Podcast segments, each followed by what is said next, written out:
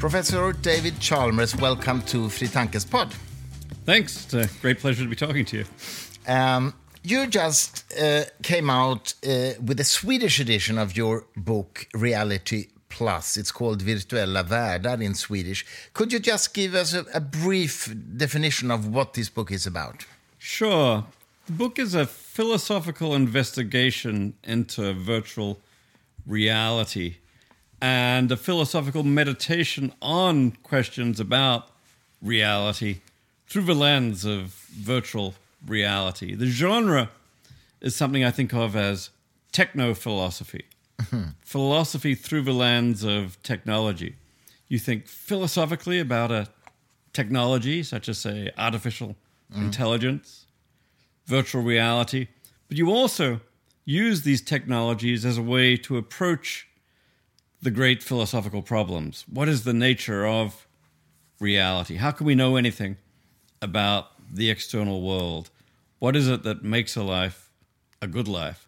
And what I've found is that thinking about this technology, virtual reality, is just a wonderful device for shedding light on uh, on issues, on the deepest philosophical issues about reality. So the subtitle of the book was, uh, in English at least, was "Virtual Worlds and the Problems of Philosophy," and I guess that's reflected Yeah. even more strongly in the uh, in the Swedish title, which is what "Virtual Worlds, Philosophical Problems" is the subtitle. Yeah, yeah, yeah.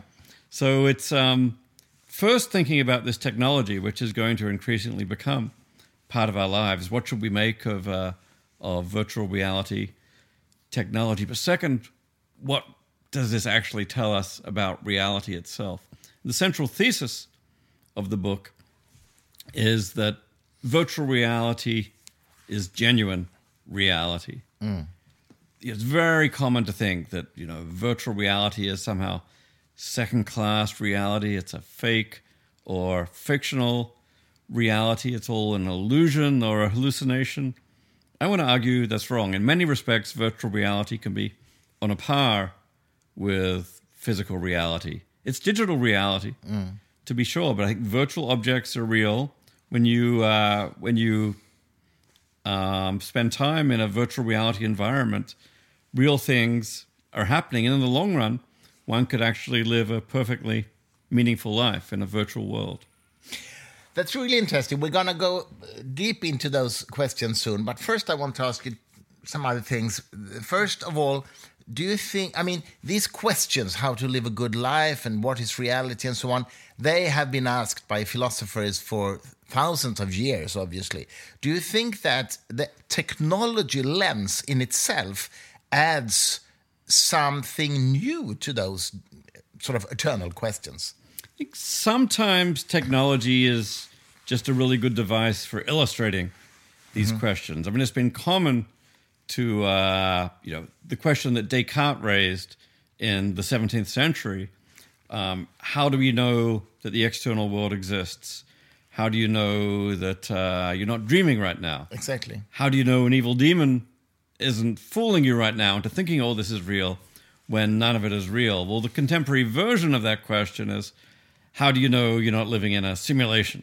How do you know you're not living in a virtual reality right now where none of this is real? And at that, that level, it's just an updated illustration Yeah. of the same old idea. But I do think the technology actually has some things to contribute and to uh, to at least put a new spin on these issues. Not least the fact that now this the technology is moving these scenarios from the scenario of speculation and science fiction to the realm of of systems that we can actually construct. I mean, virtual reality systems actually exist. Yeah. This is technology that we have now.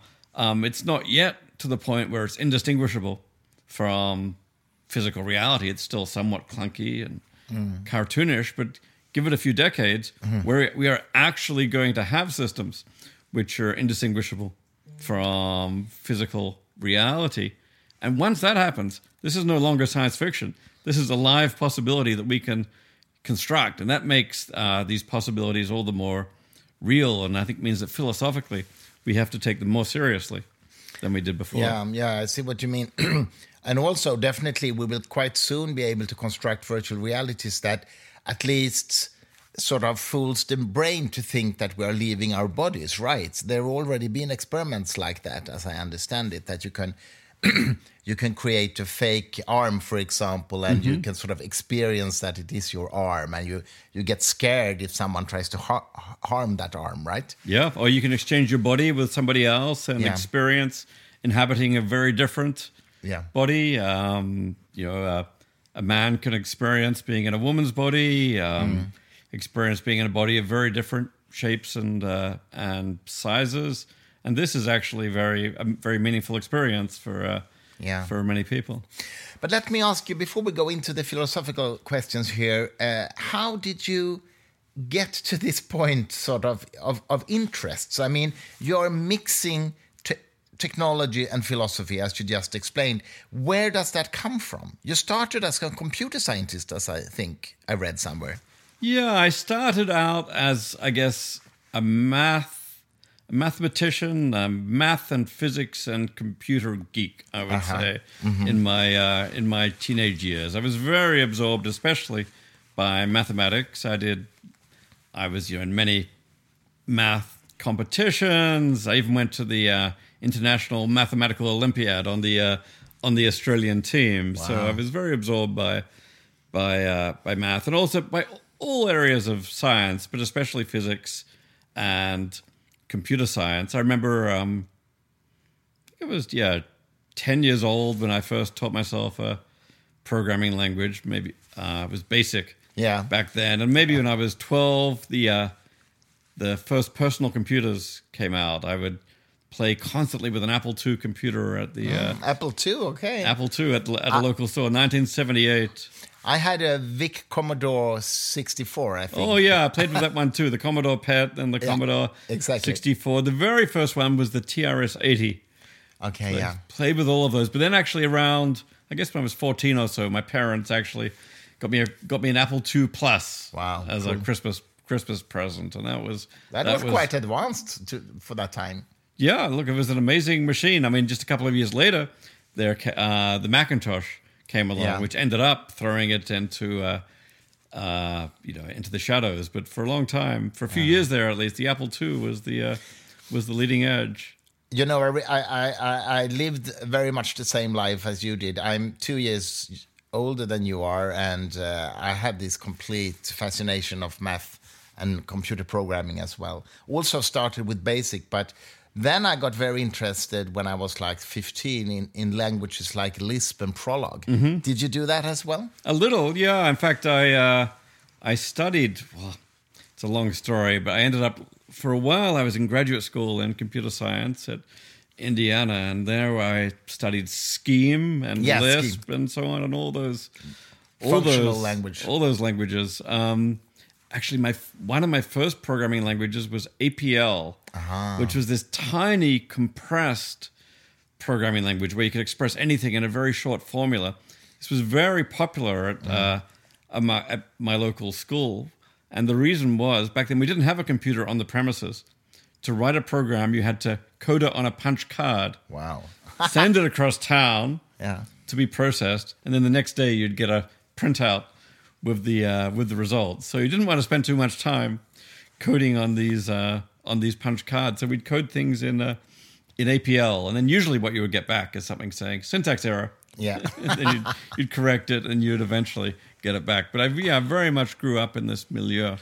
But didn't you think? I mean, at least for my my sake, I thought that Lisp and Prolog were, were so much more beautiful languages because they were not algorithmic in the normal sense. You know, uh, it, they were not procedural languages; they were functional or logic. I thought it was much more much more of an aesthetic uh, experience to write code for them. Do- do They're you much more mathematical in Yeah. some ways, and yeah, it's all a giant mathematical formula, Yeah.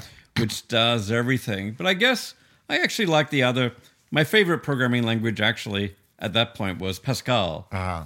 Uh, which is an algorithmic language. I mean, it very out it makes the algorithms very, very explicit. But I love the idea of an algorithm. The, the Uh-huh. algorithms are something powerful. They take this mathematical notion of computation, but they actually turn it into a system which can do something, uh, which can actually make things happen in this step by step way. And of course, that's true for every programming language. But I like the way that Pascal um, actually makes that algorithmic structure so ex- Mm-hmm. So explicit. These days, I guess someone would probably learn Python. Yeah. uh, plays the uh, the same role that Pascal Yeah. played back then. But but your parents obviously saw that you had a talent for mathematics and computers. That they understood that. What what did they do? Uh, what did they work with? Uh, my parents, uh, uh, well, my father is a medical researcher. Um, my father and my mother split when I was about five years old, but, uh, but my biological mother is a, uh, she's actually, she's very spiritual and she's en- engaged in many uh, spiritual uh, investigations. She has a foundation for investigating all kinds of esoteric texts Wow. and so on in uh, in Australia, which is uh, which is still going, although it's uh, it's slowing down a little there. Um, so I guess yeah, with my with my mother being very spiritual and my father being a very hard nosed scientist, I've ended up being uh, perhaps somewhere somewhere in, the middle. Um, oh, my stepmother is a uh, is a medical researcher too. So yeah, not actually not a whole lot in the way of computers or math or physics, but I don't know. It was the 1970s. It was the the time. Yeah. Oh, and of course, a very big influence on me, as I gather for you,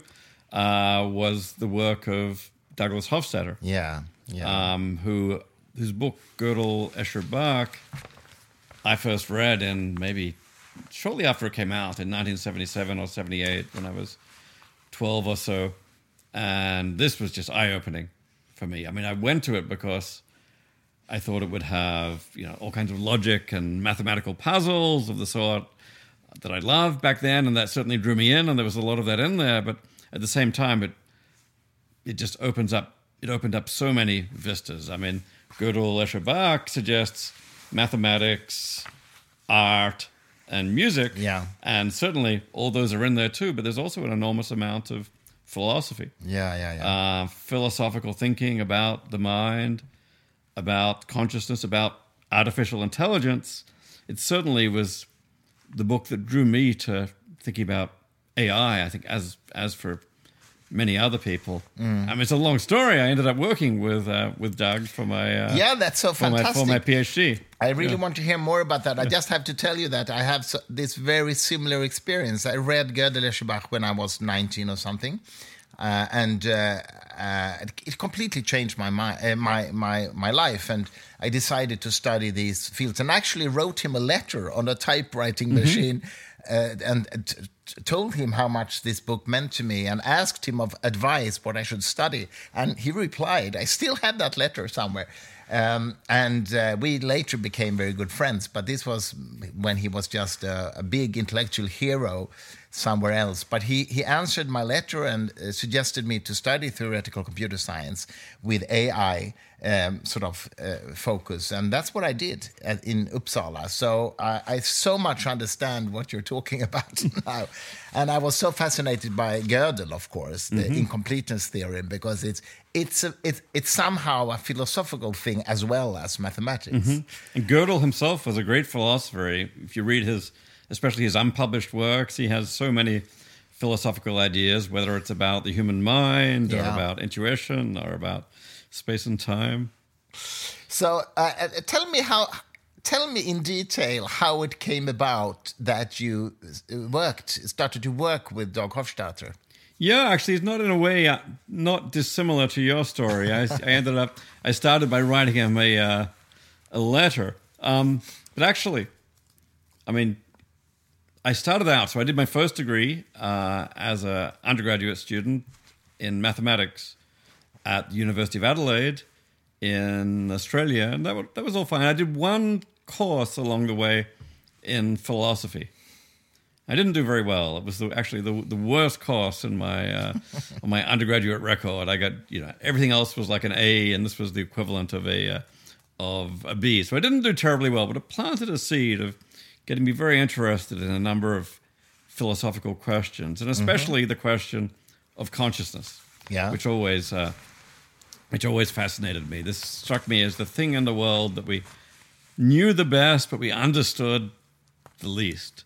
And I actually spent, you know, whole, even as an undergraduate student, I would think about consciousness. I'd talk about it with my friends, but I, didn't- I didn't think it was something that could actually work on professionally. It was too much fun somehow, or too interesting to think about. But I, I gradually, over time, became more and more obsessed with this question. Um, I, after finishing my degree at Adelaide, I then um, was accepted to do a DPhil at Oxford, their equivalent of a PhD in mathematics.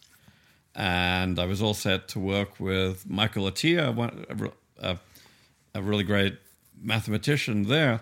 On my way, though, to uh, to Oxford, I spent six months hitchhiking around Europe. Spent a lot of time, you know, standing or sitting by the side of the road, thinking about philosophy, thinking about consciousness. I carried a notebook with me.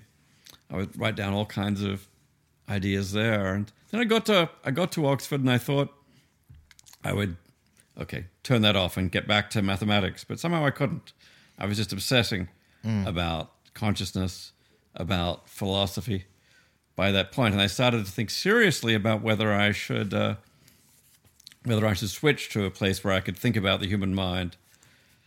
I could focus on the mind as opposed to thinking about mathematics, and then I thought, well, I should email Hofstadter.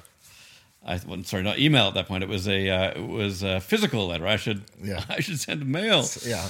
to uh, to Hofstadter. I guess I could have emailed him, but back then, email was So complicated. when was this? Which year? 1987 when I was I was born in 66 so I was 21 in 1987 just starting grad school Mm. at Oxford I started there in uh, maybe October and could have been October November December that year I I sent a letter to Doug saying hey I've I've got these ideas about uh, about consciousness I'm thinking about I think I'd written something I wrote an article and I sent it uh, and I sent him this article I'd written about consciousness. And I asked for his advice. I said, uh, Yeah. "What should I do? I mean, I could be studying mathematics here. Is that the right thing to do? I could switch into philosophy, maybe computer science." And Doug wrote back, at least over the course of our correspondence, he ended up saying, "You should come to Indiana and work with me." Fantastic. I said, fantastic. That's wonderful. Then I said, where's Indiana? I looked on the map. It's somewhere kind of in the middle in the Midwest of the uh, of the U.S. But I ended up going across there to visit. Had a wonderful time, and I mean it was actually quite a long process. But about a year later, I ended up starting a degree at uh, starting a PhD at Indiana. I actually was initially enrolled in computer science there, thinking I'd work on AI. But I graduated, you know, always, it was the philosophical questions that were always driving me. And in the end, I decided that philosophy is what I should do. Doug was somewhat ambivalent about that. I remember very early in our correspondence, he said, I've seen so many brilliant minds go down the drain into philosophy. Now I'm sure I'm one of them. I'm a brilliant mind gone down the drain into uh, into philosophy. You know, philosophy is not to, not to everyone's uh, not for everyone's taste. But in the end, it turned out for me to be the uh, the way to approach these questions. But I spent but my entire PhD at Indiana was spent in Doug's lab, which was a beautiful house off campus with a lot of great people. Melanie Mitchell was Yeah. there now, very well known for her work in AI. Bob French, who did work in psychology. Uh, Liane Gabora, who ended up working in biology and cognitive science. Gary McGraw. Oh, there were so many, so many, uh, so many great people. And Doug's Doug had so many interests. Uh, you know, one week we'd have a workshop on humor, the next week on creativity, the next week on sexism. It was just an extraordinarily fertile place to be. He is a fascinating person. Uh, uh, and you know that he speaks fluent Swedish? I did not know that. I, I knew he speaks a lot of languages, but I didn't know about Swedish. It does Wow. actually. Uh, you must listen to. I did a, a podcast interview with him, just like we're doing right now. Uh, We have it on our website. I'm, I will send you the link because I think you're going to enjoy it. He talks a lot about the process of writing Gödel Escher Bach. Uh, but also he he speaks uh, a little bit Swedish in that interview with me, and he translated um, my book manuscript to English from Swedish, perfect translation. Um, And you know, he learned speaking Swedish because he went. He came to Sweden 55 years ago and spent six months here, Hmm. and that's how he learned Swedish. I mean, he has this super brain when it comes to languages. And you know that his father was awarded the Nobel Prize in physics. Of course, yeah. Um, I actually, when he came to, to see me a few years ago in, in Stockholm, we I took him to the Nobel Prize Museum and uh, showed him in their archives uh, photographs from the Nobel banquet where his father received the Nobel Prize, and that was a, a very moving moment actually when he saw these pictures of his father and mother. Uh, yes, I mean, I really understand that you were um, attracted to to work with him. Uh, I can really see that. Okay, so you you sp- how much time did you spend with him in his lab? I think in the end, my PhD was four or five years, 4 four and a half years there, but it was very formative time for me because I was just I learned so much.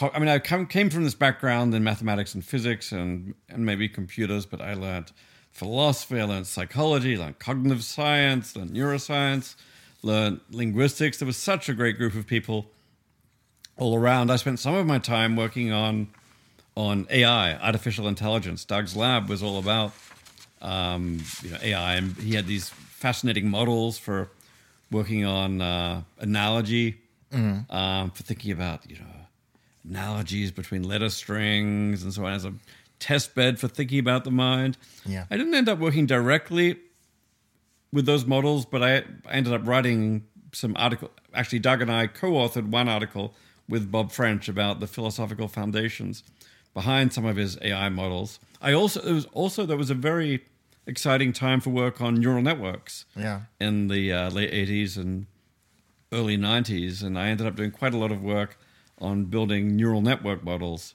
of of the mind whether it's of language or of there was a paper on the evolution of learning so uh, you know i, I really got to engage with work in um, in AI. And for a while, I thought I might go in that direction. But actually, ultimately, the question that really fascinated me was the question of consciousness. Yeah. That's the one I just kept coming back to and thinking, how do we accommodate consciousness in our picture of the world? So I ended up writing a PhD thesis um, in philosophy on the topic of consciousness. Now, Doug himself is not a academic. He's not a academic philosopher, but he's obviously a very philosophical thinker.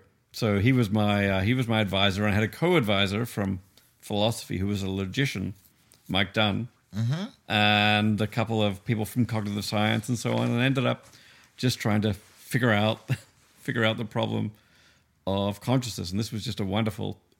Doug's lab was just a wonderful, ideal location to do that. Was that uh, the, the, the, also the time where you sort of defined these concept of, concepts of the hard problem and the easy problem of consciousness?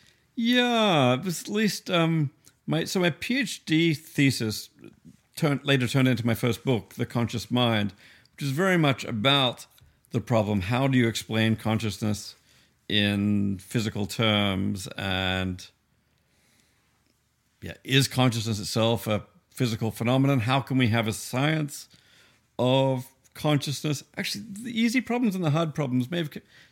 Shortly after I finished my PhD, I was a hmm. postdoc at Washington University in St. Louis, and I think I just saw on the bulletin board they advertised a conference toward a scientific basis for consciousness. Supposed to be, you know, first big international gathering on consciousness to be held in Tucson, Arizona. So I submitted something to uh, um, for that conference, thinking maybe I'd be a give a poster presentation or something. But they accepted my talk for uh, they accepted my submission for a talk in the first session of the conference. Uh, I guess the organizers saw something they liked in it, and then it was then really that I gave a talk about the hard problem of uh, of consciousness, which to me was just a really a device for framing the problem. When t- people talk about consciousness, they talk about many different things. Some of them are basically aspects of behavior, Yeah. you know, being awake and in control versus, you know, being being asleep and immobile or discriminating some information. And I said, well, okay, those are those things are important, but those are the when it comes to consciousness, those are the easy problems. The hard problem is the problem of subjective experience. Hmm. How is it that a lump of matter with all these neurons and all this behavior could also have conscious, subjective experience of the world? That seemed to be a different kind of problem. And in that talk, I said, yeah, well, that's what we, these are the easy problems. This is the hard problem. And I thought I was just saying something really very obvious. It wasn't supposed to be a profound observation, but something about that, I guess, really resonated with people. And Mm. from the moment I said it, it was like people were saying, "Yeah, that's right. It's the hard problem." It's like, yeah, I mean, Mm-hmm. p- people knew all along it was a hard problem. It was just a now they had a label to uh, Yeah, because they could because drop it's really this bec- idea on. It's really bec- became a sort of a concept that everyone talks about since then, which is fascinating. Still now, actually, it's like who knew back in 1994 when I uh, um, when I gave this talk that people would still be talking about it now. Now it's probably going to be on my tombstone. Yeah, Tom Stoppard, the playwright, wrote a play called The Hard Problem. How could I ever have expected this would happen? But uh, just one one question about this: um, Do you have any sort of idea of why evolution has produced uh, the ability to have qualia or the subjective experience? Because it seems that it- doesn't really add anything to to the survival capacity. You, you, you have the, you talked about the philosophical zombies, for example. They seem to be able to to so, to deal with reality just as well.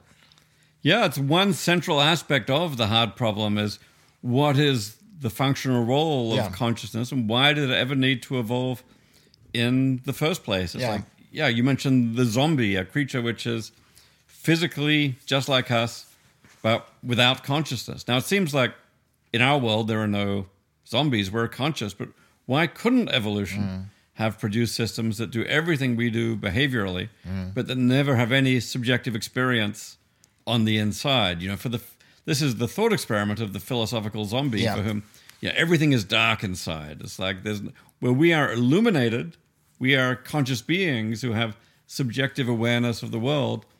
For a zombie, there's no first person perspective at all. There's a third person perspective Yeah. from which they're behaving very impressively, but there's nothing going on at all. And the question is, why didn't evolution produce zombies? It Yeah. seems it could have. I mean, if we could find some function that consciousness does and that only consciousness does, maybe that would give us a. Uh, we can say, okay, that's how consciousness evolved because we had to do this in order for planning or decision making and so on. But right now, nobody knows exactly what consciousness does, so it's still something of a mystery. Uh, and you you don't have any sort of speculative idea of what that could be. One approach that some people are that some people have explored that I've got some interest in is the idea that consciousness might play some role in affecting physical systems, say in quantum mechanics. Uh-huh. Uh, the old idea that measurement collapses the quantum wave function, sends it into a definite state, sends Schrodinger's cat, which was in Yeah. It was both alive or dead. Then you make the observation, now it's alive, now it's dead. Well, no one knows. The measurement problem of quantum mechanics is what is a measurement that makes this happen? No one knows what a measurement is. But one idea attractive to many people is consciousness, is what constitutes a measurement and what collapses the quantum wave function. It's a, it's a very speculative idea, but if it if But it seems to be a bit out of fashion among physicists. oh, very much, yeah. yeah. Um, I've always, actually in my first book I was quite skeptical of this idea myself. I tried to argue against it, um, and partly on the grounds that yeah, physicists think you don't need consciousness here to make uh, to make this work, and I agree you don't need consciousness here to explain quantum mechanics. But as one possible interpretation of quantum mechanics says consciousness affects the physical world by collapsing the quantum wave function. So more recently, we fast forward uh, 25 years or so, um, I wrote a couple of articles with a former student of mine, Kelvin McQueen, who's now a uh, who's now a professor at Chapman University in California, and we wrote an article called "Consciousness and the Collapse of the Wave Function," where we tried to put mathematical flesh on the bones of this old old idea that Okay. consciousness might collapse the wave function, basically using some mathematics that's been developed in recent quantum mechanics for understanding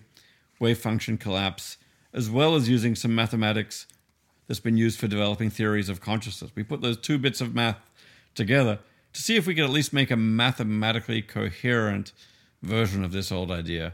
I mean, the the idea that consciousness collapses the wave function, although it's a very it's regarded as radical and speculative these days. It goes back to von Neumann in the 1930s mm. and then Eugene Wigner, Wigner in the 1960s. Yeah, uh, both of whom had versions of this idea. Some people call it the Budapest interpretation. Uh-huh. Because both von Neumann and Wigner were from uh, from Hungary. Uh-huh, okay. Yeah, so. I haven't heard that before. That was interesting. But I mean, what's your answer to those who would say, uh, in, op- in opposition to that idea, that obviously the Earth was rotating around the sun even before there were life on Earth, so there was no consciousness to collapse anything. Uh, but nature seemed to, to work without that. It's a very interesting question. Yeah, I mean, it partly goes down to how deep does consciousness go in nature? Does consciousness require life, for example? Mm-hmm. Uh, could it be present in pre biological systems? But if consciousness requires biology, then I guess the way it works is well, the universe starts off in a massive superposition of mm. all kinds of states and that with many branches of the wave function, as they put it, um, yeah. in foundational discussions. And then eventually, in one of these branches of the wave function, consciousness evolves for the first time and collapses the wave function. Now, one interesting property here is that most of the time when this happens, um, the wave function is going to collapse onto one of those states with no consciousness. Yeah. With high probability. Um, so maybe the first time the wave function consciousness evolves, then we collapse back onto a state without without consciousness. But eventually, consciousness will take hold. Consciousness will evolve, and the with some probability, the the world will collapse onto a branch containing consciousness, and that will, you know, that will uh, lead to a uh, that. So the, yeah, the first evolution of consciousness is going to be very special from a quantum mechanical point of view. But who's to say? Yeah, until consciousness came along, the world was a giant superposition. Wow. Um, consciousness is what makes the world definite. Okay. Uh, but then, okay, then I have to ask you, why should why should it be just consciousness that collapses the wave function and no no other phenomena in, in, in the universe? Why should it be just consciousness doing that? It doesn't have to be just consciousness. I mean, there are interpretations of quantum mechanics where mm-hmm. all kinds of things collapse the wave function. You could, you know, define one where where cats collapse the wave function. You can define one where guitars collapse the wave function, just to look pick something randomly from the uh, from the environment. But consciousness does have some very nice properties. One is that yeah, I mean, we skipped we skipped a lot here in this uh, in this discussion, but one um, one thing that I argued way back in my in my PhD thesis, my first book, is that you should regard consciousness as a fundamental element of reality. I argued that you cannot fully explain consciousness in terms of physical processes like the standard space and time mm. and mass and charge and so on. All that's consistent with the absence of consciousness. Mm-hmm. And that the best way to deal with this scientifically was to introduce new fundamental properties. I mean, Maxwell mm. introduced electric charge as a new fundamental property in the 19th century when it wasn't explained by yeah by other things. I argue you've got to bring in consciousness as a new fundamental property. But then the question is, what role does it play in mm. the physical world? It's one, does it just exist there, dangling off the physics, or can it be integrated into physics? Well, except taking, and some people have argued consciousness couldn't play a role in physics because physics is closed. Physics is a closed system; it's a closed network no room for consciousness to do every to do anything. But then you look at quantum mechanics, yeah. and here is a perfect place for consciousness to play that role. Um, there are these strange wave function collapses that happen from time to time. No one knows why. So we've got two problems that fit very well together. One, what is consciousness and how can it play a causal role in the physical world? Two, how can you know how can we make sense of quantum mechanics? What are these? What brings about wave function collapse? these problems at least fit very nicely together. Nicely enough, there's a very natural speculation to say that consciousness might actually play this role. I should say it's still a speculation.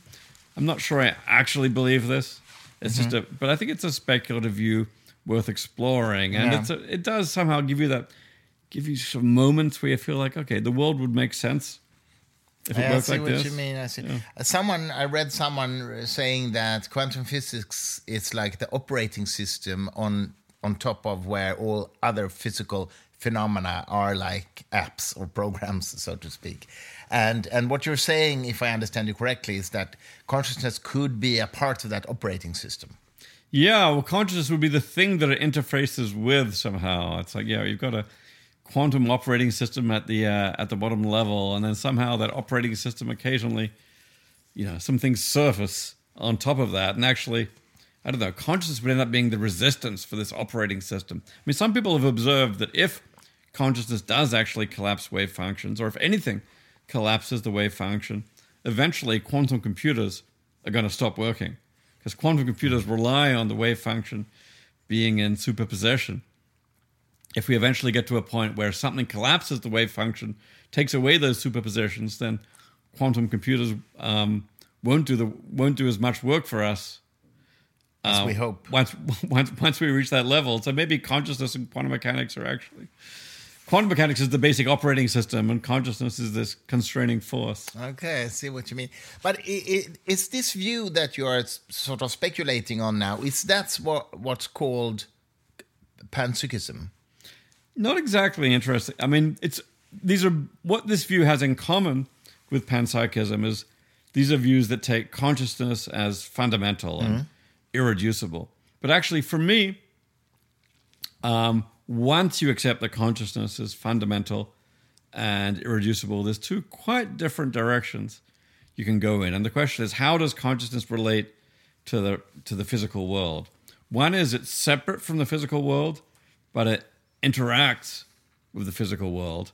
And I think of this quantum consciousness collapse view as an instance of that. It's a kind of a dualistic view. You've mm-hmm. got the fit, the wave function, which is one thing. You've got consciousness, which is another thing.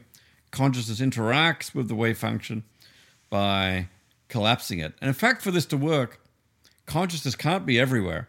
If consciousness was everywhere, the wave function would always collapse. Mm-hmm. You'd never get any quantum effects, Okay. as we see in double slit experiments. So for, mm. so for this idea to work, panpsychism, the view that consciousness is everywhere, has to be false. Ah, um, because Okay. if, if you if you combine panpsychism with quantum collapse, the wave function would just constantly be uh, be collapsing before qu- and quantum mechanics couldn't get started. So I think of, but the other alter, so I think of panpsychism as an alternative to to dualism and to views like this. Panpsychism is the view that consciousness exists inherently in every physical system. In every atom, so to speak. Yeah. Yeah. Physics tells us how the atoms and the particles relate to each other.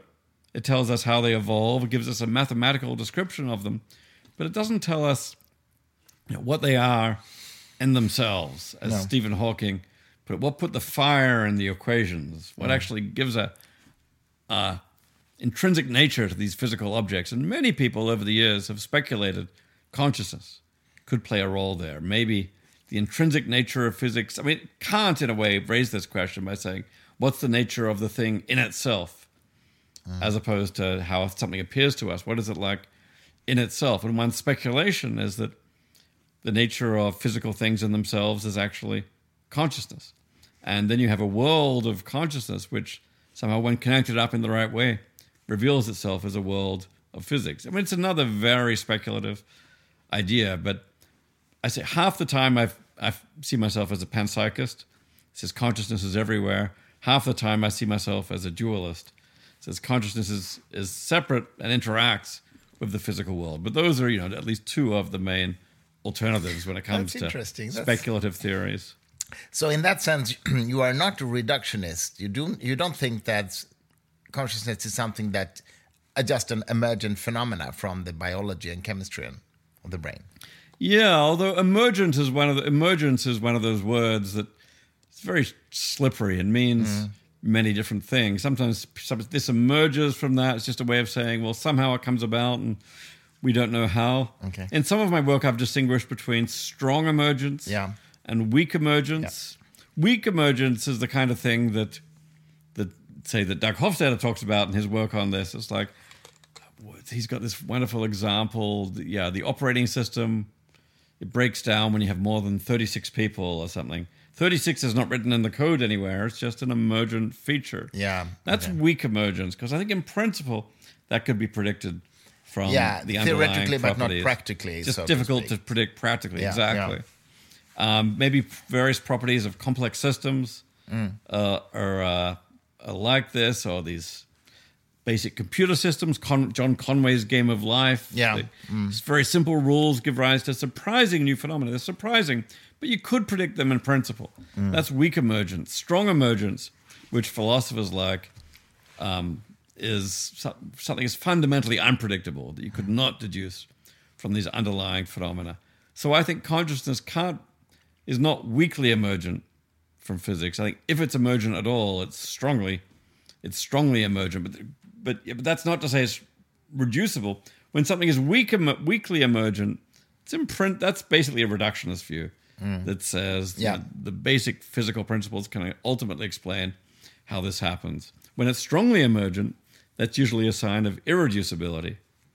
Um, yeah, like, and for all I know, consciousness may be the only case of of strong, strong emergence. Because yeah, I just wanted to ask you that. Do you have any example other than consciousness on strong emergence? And I, I, I can't think of any.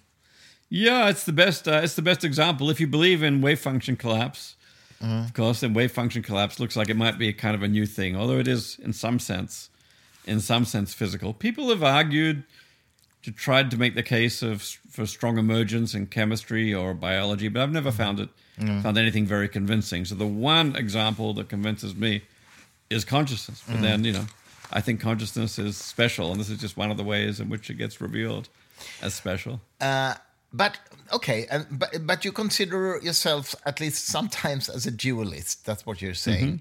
Uh, uh, to many people, that is a religious concept. Would you consider yourself religious?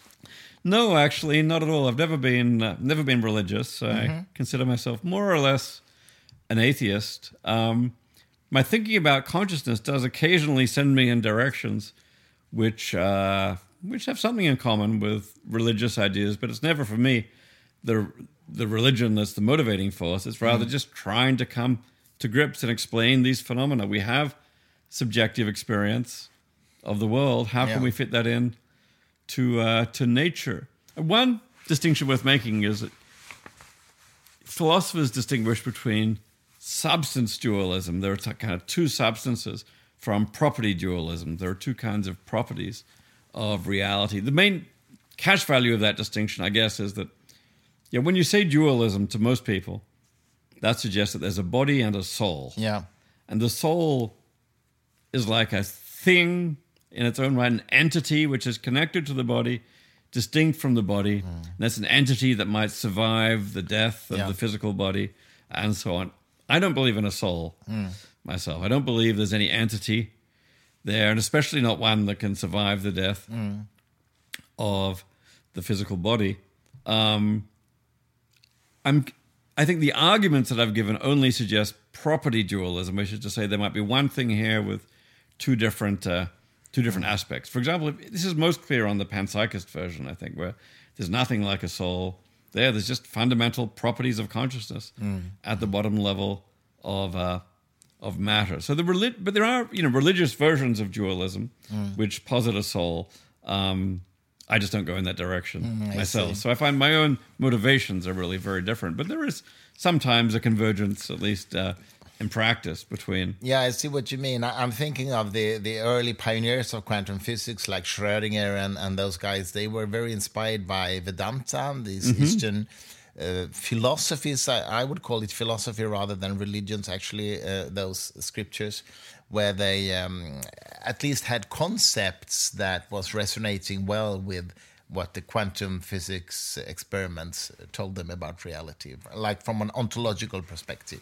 Yeah, and it turns out that you know some of the uh, most sophisticated analyses of consciousness come from these ancient Indian Yeah. traditions, uh, where they thought especially about the self in uh, in enormous detail, building theories of the self and its relationship to the world, as in say the Hindu traditions, but then in the Buddhist traditions, trying to get rid of the idea Yeah. of the self and saying how there could be consciousness um, without a self, and there was these you know, they really contemplated consciousness from the inside and put forward theories about its structure, which in many ways have, you know, anticipated ideas in the Western tradition by, by you know, by some thousands of years, and which I find I'm not at all an expert on Hindu and Buddhist traditions, but I find that again and again there are productive points of of contact between contemporary thinking mm-hmm. about consciousness and these thinkers. Not not to mention contemporary thinking about virtual reality,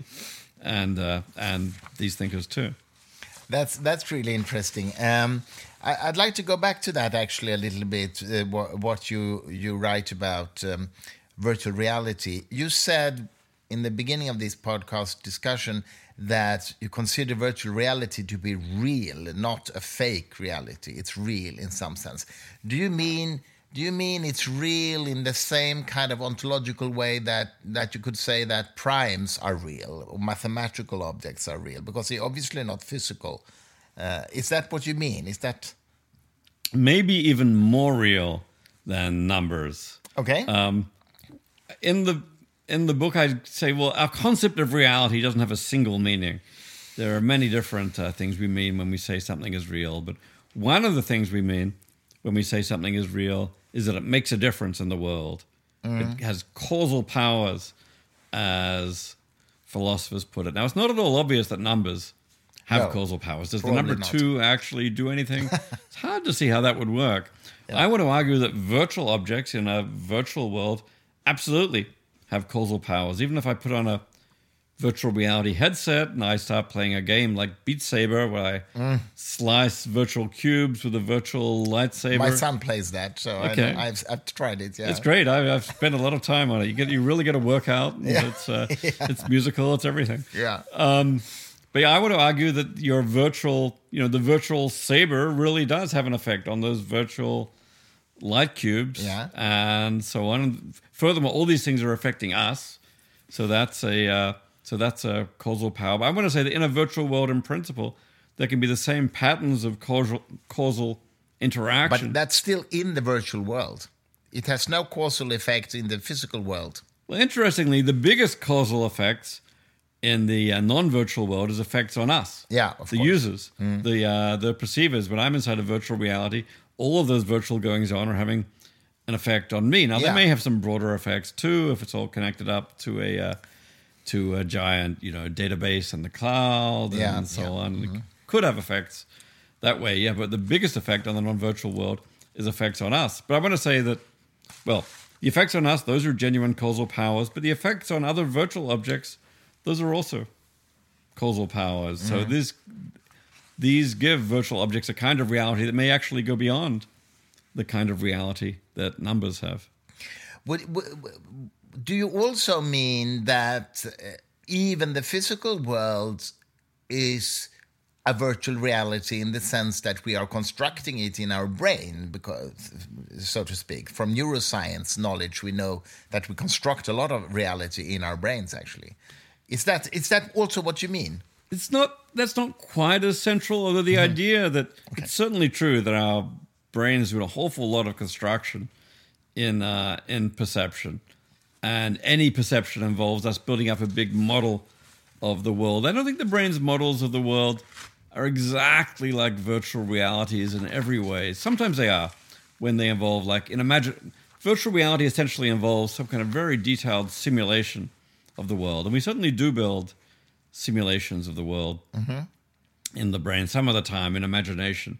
I'm not sure that for the purposes of perception, you need to build a full scale virtual reality in the brain. But there, there are many respects, though, in which physical reality starts to look like virtual reality. In fact, there's a quote by Slavoj Žižek, of all people, yeah. who I quote in the uh, quote in the book, who says something like, yeah, the end point of any speculation about virtual reality is seeing the one true physical reality as itself a virtual reality. Mm. So you mm. start saying virtual reality is like is like physical reality, and you end up saying physical reality is like mm. virtual reality. And mm. this comes out in a number of ways. One is the uh, the idea that our physical world could turn out to be a simulation, mm. something I discuss a lot. Yeah, you talk the, about uh, that in the book. In, yeah. in the book, which is not you know people have certainly speculated that we could be in a simulation like uh, like the Matrix. And that if that happened, physical reality would turn out to be a virtual reality. There's also an idea which is very popular and has been popular among physicists, the idea of so-called it from bit, that physical reality could ultimately be digital at bottom. Somehow the interplay of uh, of bits in some digital physics could be underlying virtual reality. If it's like that, then that makes our uh, physical reality at least somewhat more like uh, like virtual reality. And in general, the understanding of the physical world we've been getting from current physics is so mathematical in its nature. It's a matter of the world having this kind of abstract mathematical structure. I mean, it's a long way from that world of yeah solid objects and space time with colors and um, you know the naive picture of reality. I sometimes call it the Garden of Eden. The way the world appears to us in consciousness, it's like there are objects out there in three dimensional space, one dimension of time, solid objects with colors and so on. Then, then we look at physics, and it transforms that picture almost utterly into, yeah, in fact, it's a quantum mechanical wave function over a four dimensional space time Yeah. where nothing is solid and colors involve complex patterns of light reflectance. So I think of this as the uh, the fall from Eden. We thought we lived in Eden, but in fact, Oh, contemporary good. science already makes us makes reality look very very virtual. True, and I, I, I would say that it was quantum mechanics that sort of started that process, the fall from Eden. I mean, uh, be, be- before that, we, we thought at least that we ex actually explained reality with the physics descriptions, and, and now now they don't do that anymore. They just have mathematical abstractions. It doesn't really explain anything. Yeah, re- relativity may have helped too, especially when it came to True. the fall from Eden for space and time. But Yeah, you're right, true. Newton was in a way quite consistent with uh, Yeah. with Eden. There's like a mathematical version of of what seemed very intuitive from perception. Relativity and quantum mechanics between them really True. caused Eden to go to crash and but- burn. yeah, but um, uh, going back to your what you talk about in the book that that um, we might live in a virtual reality, uh, uh, that that thought experiment, um, isn't that in a way the same thought experience that experiment that philosophers have thought about many many hundred years? I mean the the solipsism, the the radical skeptical view. How do we know anything? Isn't that the same thing? It's very much continuous with ideas that you find in Descartes. Yeah. Many ancient thinkers. I mean, yeah, the Chinese philosopher Zhuangzi said, uh, you know, how do you know you're not a butterfly dreaming? How do I know I'm not a butterfly dreaming that he's Zhuangzi right now? This is the dream, which is a one version of these ideas. Um, Plato had his idea that we might be in a cave, um, just merely seeing shadows of reality. So the simulation idea is continuous um, with all of those. I guess what it brings is a a certain technological underpinning. Yeah. Um, B the fact that it's continuous with existing technology. C this is another important thing is um, important idea in this connection is the ideas of that Nick Bostrom has put forward Yeah. about the uh, the simulation argument. Yeah. Swedish philosopher. Yeah. I'll note. Uh, Bostrom has argued not just that the simulation hypothesis is consistent with our evidence, but that it's something that we should very much take seriously, roughly on the grounds that it looks like, given certain natural assumptions, you would expect many simulations to be constructed Yeah. in the course of over the course of history. Maybe there'll be many more simulated people than non-simulated people. Mm-hmm. At which point you start to think, well, what are the odds that I'm actually one of the lucky ones who are not simulated? Yeah. Maybe it's actually more likely that I am simulated. And I try and run a version of this argument made Yep. precise in various ways in uh, in the book, and I do take this this seriously.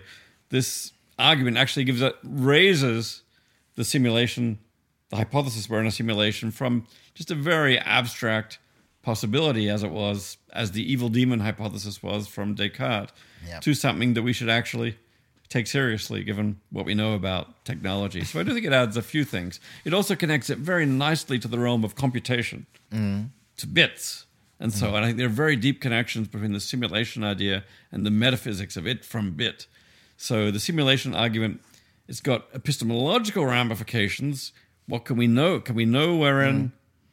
What can we know about the reality we're in? But also has metaphysical implications. It suggests a certain basis for the nature of reality. That could we be living in a world where all the objects we're interacting with are made of bits, are digital objects at a deeper level? I think of it as a kind of a digital metaphysics. And yeah, the whole theme of this book is how virtual worlds shed light and transform various various familiar philosophical issues. And here we see both the issue of the epistemological issue of of uh, of our knowledge of the external world and the metaphysical issue of the nature of reality.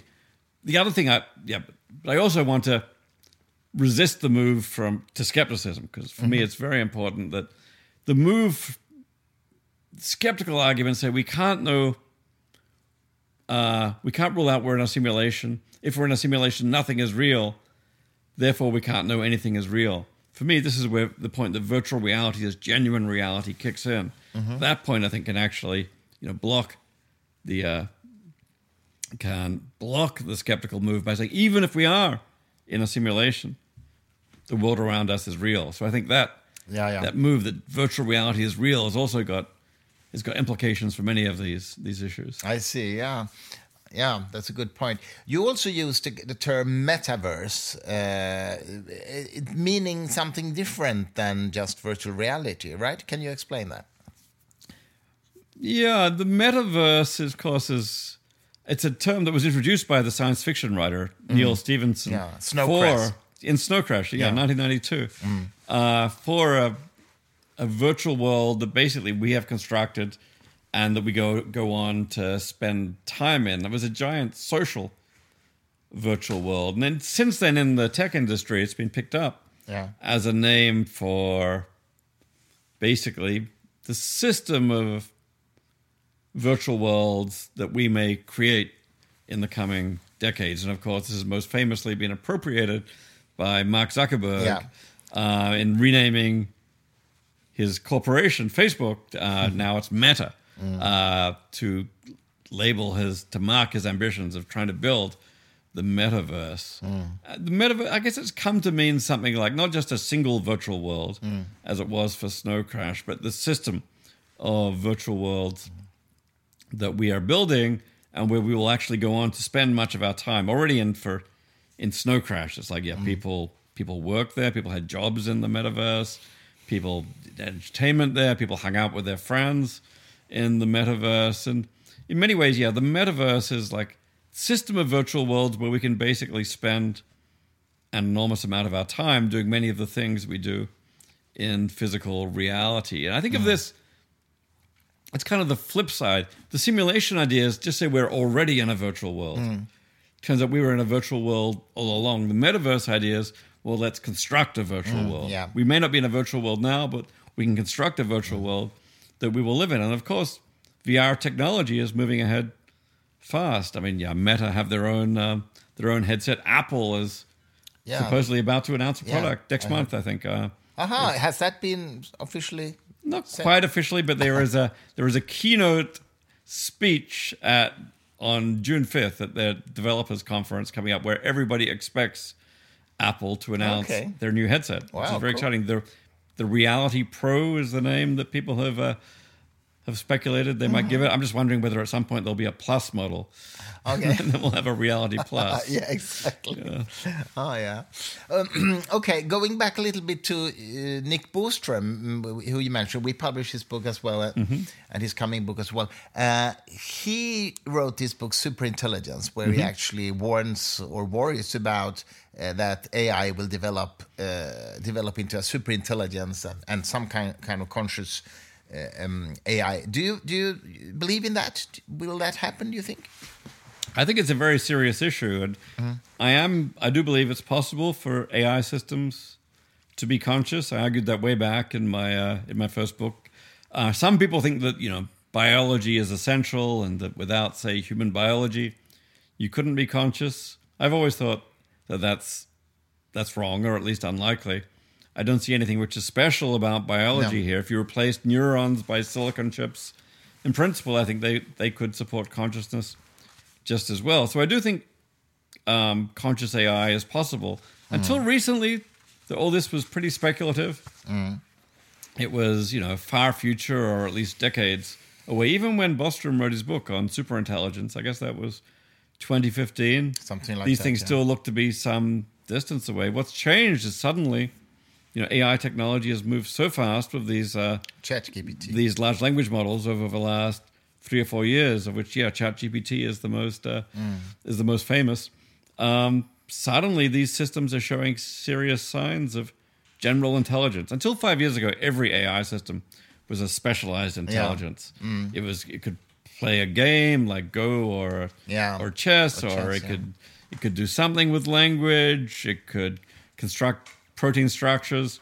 Suddenly, these um, these language models are a little bit good at everything. They're showing signs of of general intelligence, which means that suddenly these questions, which were very theoretical, are becoming are becoming practical. And one of those questions is Bostrom's question: Will these machines actually ultimately end up being so powerful that they have dire consequences for humanity? And I think that's a very serious issue. It's a serious issue, yeah.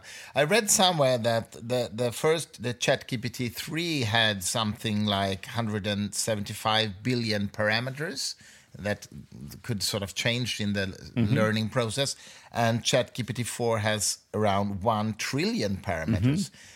Which is six times more. And what about the human brain? If you sort of translate it into synapses, how many, how many does the human brain have compared to that? Do you know? Yeah, well, the human brain has what, 86 billion neurons and a 1,000 to 10,000 synapses each. So In it, okay. that gets us, you know, well over, you know, a couple of orders of magnitude beyond the uh, beyond the trillion. Yeah, Um, so right now, but it's just a scale. right now, a hundred or a thousand times as many Yeah, synapses in the brain as there are weights in one of these neural networks. But that's changing fast, of course. yeah, that's what. Yeah, it's just a scaling issue. I mean, it couldn't really be a a, a problem to scale up to the level of human brains. Yeah, and and many people call this the scaling hypothesis uh, about for these language models. As they get bigger and bigger, their capacities grow in some actually fairly predictable ways. And so far, we seem to have found this: the move from GPT two to GPT three to GPT four, each hmm. of which has involved. Uh, we um, we actually don't know the exact number of parameters in GPT four mm-hmm. because OpenAI mm-hmm. hasn't revealed this yet, but people speculate it's over a 10000000000 mm-hmm. And yet, with every increase in the number of parameters, and likewise with increases in the number of the amount of data they process, Yeah, you get very, rather predictable increases in their capacities to the point where if this continues for another three orders of magnitude, say for a thousand times as many parameters, if that were to continue, it starts to look like you might start to exceed human capacities, at least along many dimensions. And the uh, point where you exceed human capacities, that's where all hell breaks loose potentially, mm. because you got systems which are actually more powerful than us at predicting and mm. controlling the future, better able to to you know achieve their goals, whatever those goals might be. So you have to make, be, at that point you have to be very very careful about Yeah. what, not just what capacities you build into these systems, but what yeah, goals. and, and them. especially if you give them the goal to uh, to improve their, themselves, then it could be a recursive spin. Yeah, you, you needn't even give them that goal explicitly. You just give them a goal like, you know, write a lot of books or solve this scientific problem. Um, he says, well, I can't solve this scientific problem, but here's here's the best way to go about solving a scientific problem: build a smarter machine than me, Yeah. and it will solve the problem. Actually, I think Asimov had a uh, Aha. had a had a science fiction story that was basically about this, called something like "The Last Question." And it was about how can we reverse the flow of entropy and uh, and uh, how can we, you know, uh, stop entropy from increasing forever. And every given machine says, "I can't solve it, but I'll build a successor who can solve it. I can't solve it." I'll build a successor who can solve it. Finally, the last one says, "Let there be light." Yeah, that's But it brings out the idea that you don't need to build in recursion. It will just some of these systems may naturally try to uh, to improve themselves in order to solve the problems. Yeah, yeah, it's yeah. their goals to solve. I see. By the way, when you speak of Asimov, have you read the science fiction novels of Ted Chiang?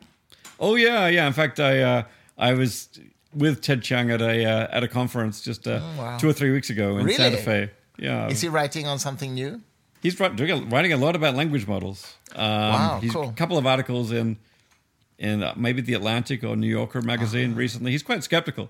The Mm-hmm. conference I was at was one in, San- on, in Santa Fe on artificial intelligence and the barrier of meaning, where most of us actually ended up talking about whether there is genuine understanding Mm-hmm. in these new models like ChatGPT and so on. And yeah, Ted is quite uh, is quite skeptical, but yeah, his stories about this stuff are, are wonderful. Yeah, yeah, What is yeah. it? The life cycle, the life cycle of software objects. Yeah, I read that. That's that. a great one Yeah, about yeah, yeah. yeah. We p- actually published his novels. Normally, we just publish nonfiction, but we felt that we have to publish Ted Chiang because it's so much about philosophy and Mm-hmm. Yeah. science. So we we published his two two uh, collections of novels. Mm-hmm. Um, all right. Oh, we're speak. We've been speaking more than an hour now. I, I, I just want to ask you one last question. Uh, of course, about the future. Do you think that? Um, do you think that uh, artificial intelligence will have consciousness in our lifetime? I think it's entirely possible. Um, Ten years ago, if you'd asked me, I probably would have said. In fact, I made a prediction about this in 2010. I said I thought it was better than 50% chance that we'll have human level AI in the 21st century. That is by 2100. Maybe that was slightly conservative, but um, that was given the state of AI technology then. Given the state of AI technology now, I'm prepared to say I think it's a 50 at least a 50% chance we'll have human level AI by 2040.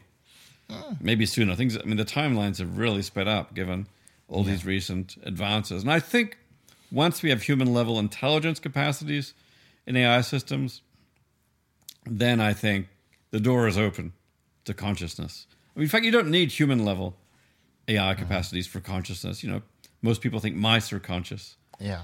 uh, they don't have human level intelligence capacity. So, in actually an article, I was invited to give a talk about this at the big conference on AI in NeurIPS back in November, and they asked me to talk specifically about consciousness. And I think I tried to calculate a probability estimate based on my best guesses. First question: Are AI systems now conscious? For that one, I was somewhat skeptical, saying, oh, maybe maybe less than ten percent mm-hmm. um, because there are various obstacles to consciousness that may need to be overcome. For example, all these systems right now are feed forward systems. Mm-hmm. There's no feedback, so no genuine memory of the kind that many people think is required through consciousness. Hmm. But these are all problems which are easy to. Oh, also language models, they don't have sensory processing. They don't process images, they just process text. Many that seems to be a big big obstacle to having certainly to having sensory consciousness of the kind that we do. But all these are temporary obstacles. We also we there already exist multimodal models that process images as well as text. You can make recurrent models that hmm. have feedback and so on. So so when it comes to future systems, I think what I said, will we have will we have conscious AI systems by 2030 by 2032, 10 years in the future from last year when I uh, when I gave this talk and I think I said greater than 20% chance we'll have conscious AI by 2032. So look, I think it's coming. Who knows whether it's 5 years, 10 years, 20 years, but I think it's coming and I think we have to be ready. We have to be ready and pro- probably take some precautions. Yeah, I think the precaution. I think we ought to be pretty slow about this, especially when we come to the point where it looks like we might be surpassing human level intelligence. That's the point where I think we uh, might want to slow down and go very carefully. And I think um, you know there's a, there is a serious danger of an arms race here with all these different companies Yeah. trying to get ahead of one another. I'm being pleased to see, you know, just in recent months, a lot of focus on these issues in the news, and even some of the the most respected leaders in AI, like mm-hmm. Geoff Hinton, Yeah. as respected as anybody, saying he sees a serious mm. issue here. People have been talking about this in the United States Congress. Yeah, Sam so Altman was there the other day. Exactly. So people are talking about this. Will it be enough to will it actually help? I don't know, but it's at least good to see that there's some reflection. I agree. Anyway, yeah, I think we should end there. We're wonderful to have this long chat with you about this. So, um, David Chalmers, thank you so much for coming to coming to the Free Tankers podcast. Well, thanks for the great conversation.